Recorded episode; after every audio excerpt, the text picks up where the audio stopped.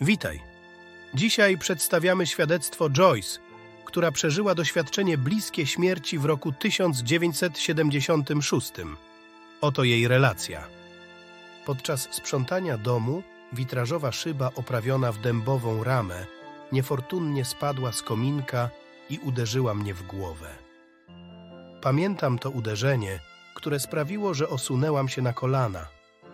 Najpierw ogarnął mnie niesamowity ból, a potem nic i odłączyłam się od mojego ciała.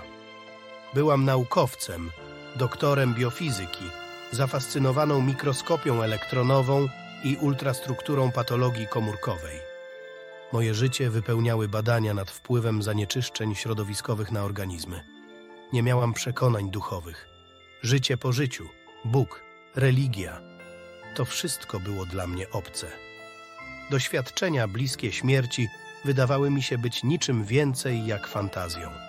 A jednak, gdy przesuwałam się przez długi, ciemny tunel w stronę przyciągającego światła, nie myślałam o tym wszystkim. Nie bałam się. Byłam, po prostu byłam, a wszystko działo się tak szybko. Zwolniła mnie oczekiwanie u wejścia do jasnego miejsca, zaskoczona widokiem mojej matki i babci, witających mnie z ogromną miłością. Komunikacja między nami była niezwykła, bez słów, ale wyraźna, jakby bezpośrednio w moim umyśle. Widziałam je zdrowe, w średnim wieku, pełne miłości i uznania. To doświadczenie było dla mnie nieocenione. Potem otoczył mnie krajobraz pełen światła, pagórki, trawa, kwiaty, niebieskie niebo, wszystko pełne żywych kolorów. Intensywność, blask i klarowność kolorów były zadziwiające, jakby światło wydobywało się z każdego elementu krajobrazu. Trawa świeciła intensywnie zielonym światłem. Piękno tego miejsca było nie do opisania. Nagle znalazłam się w obecności istoty światła. Nie widziałam jej twarzy, ale komunikacja była możliwa, nie słowami czy obrazami, lecz poprzez połączenie, które trudno jest wyrazić słowami. To połączenie doświadczam często podczas medytacji. Emocje są wzmocnione. Odczuwam wtedy ogromną radość, spokój, podziw, poczucie przynależności. Nie przeżyłam dokładnego przeglądu życia, ale czułam, że wszystko o mnie było tej istocie znane, rozumiane i akceptowane bez oceny. Czułam się głęboko kochana. Bez dyskusji czy ostrzeżenia, nagle znów znalazłam się w swoim ciele z bardzo obolałą głową. Włosy były całe we krwi, a ja czułam się zamroczona.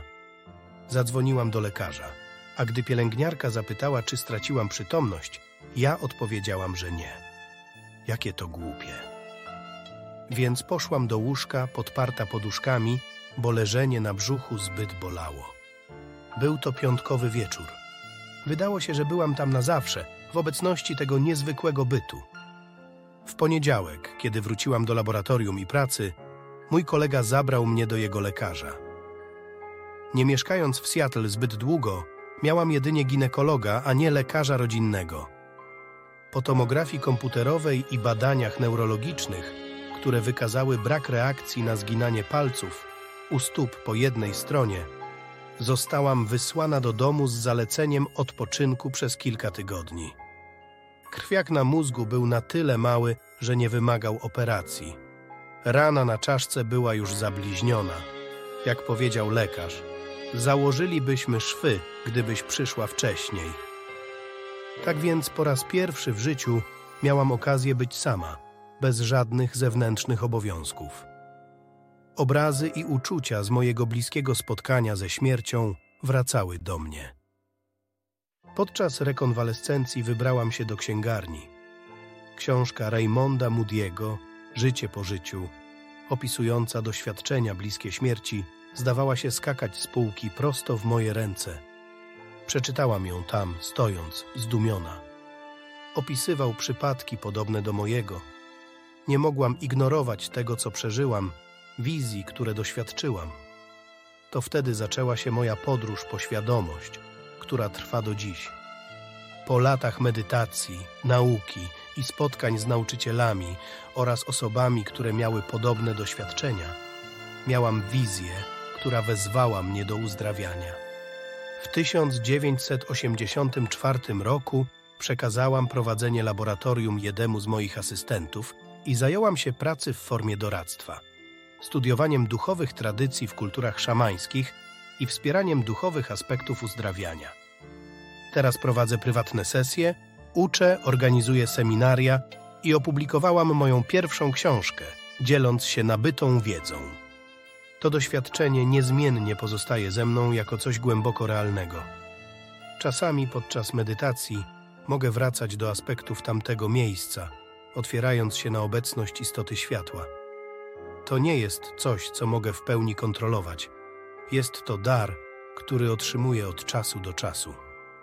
Głęboka medytacja pozwala mi odtworzyć fragment tego doświadczenia.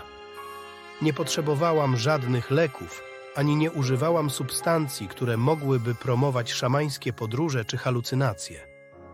To była czysta, niezmącona podróż w głąb mojego ja i tego, co może istnieć poza nim.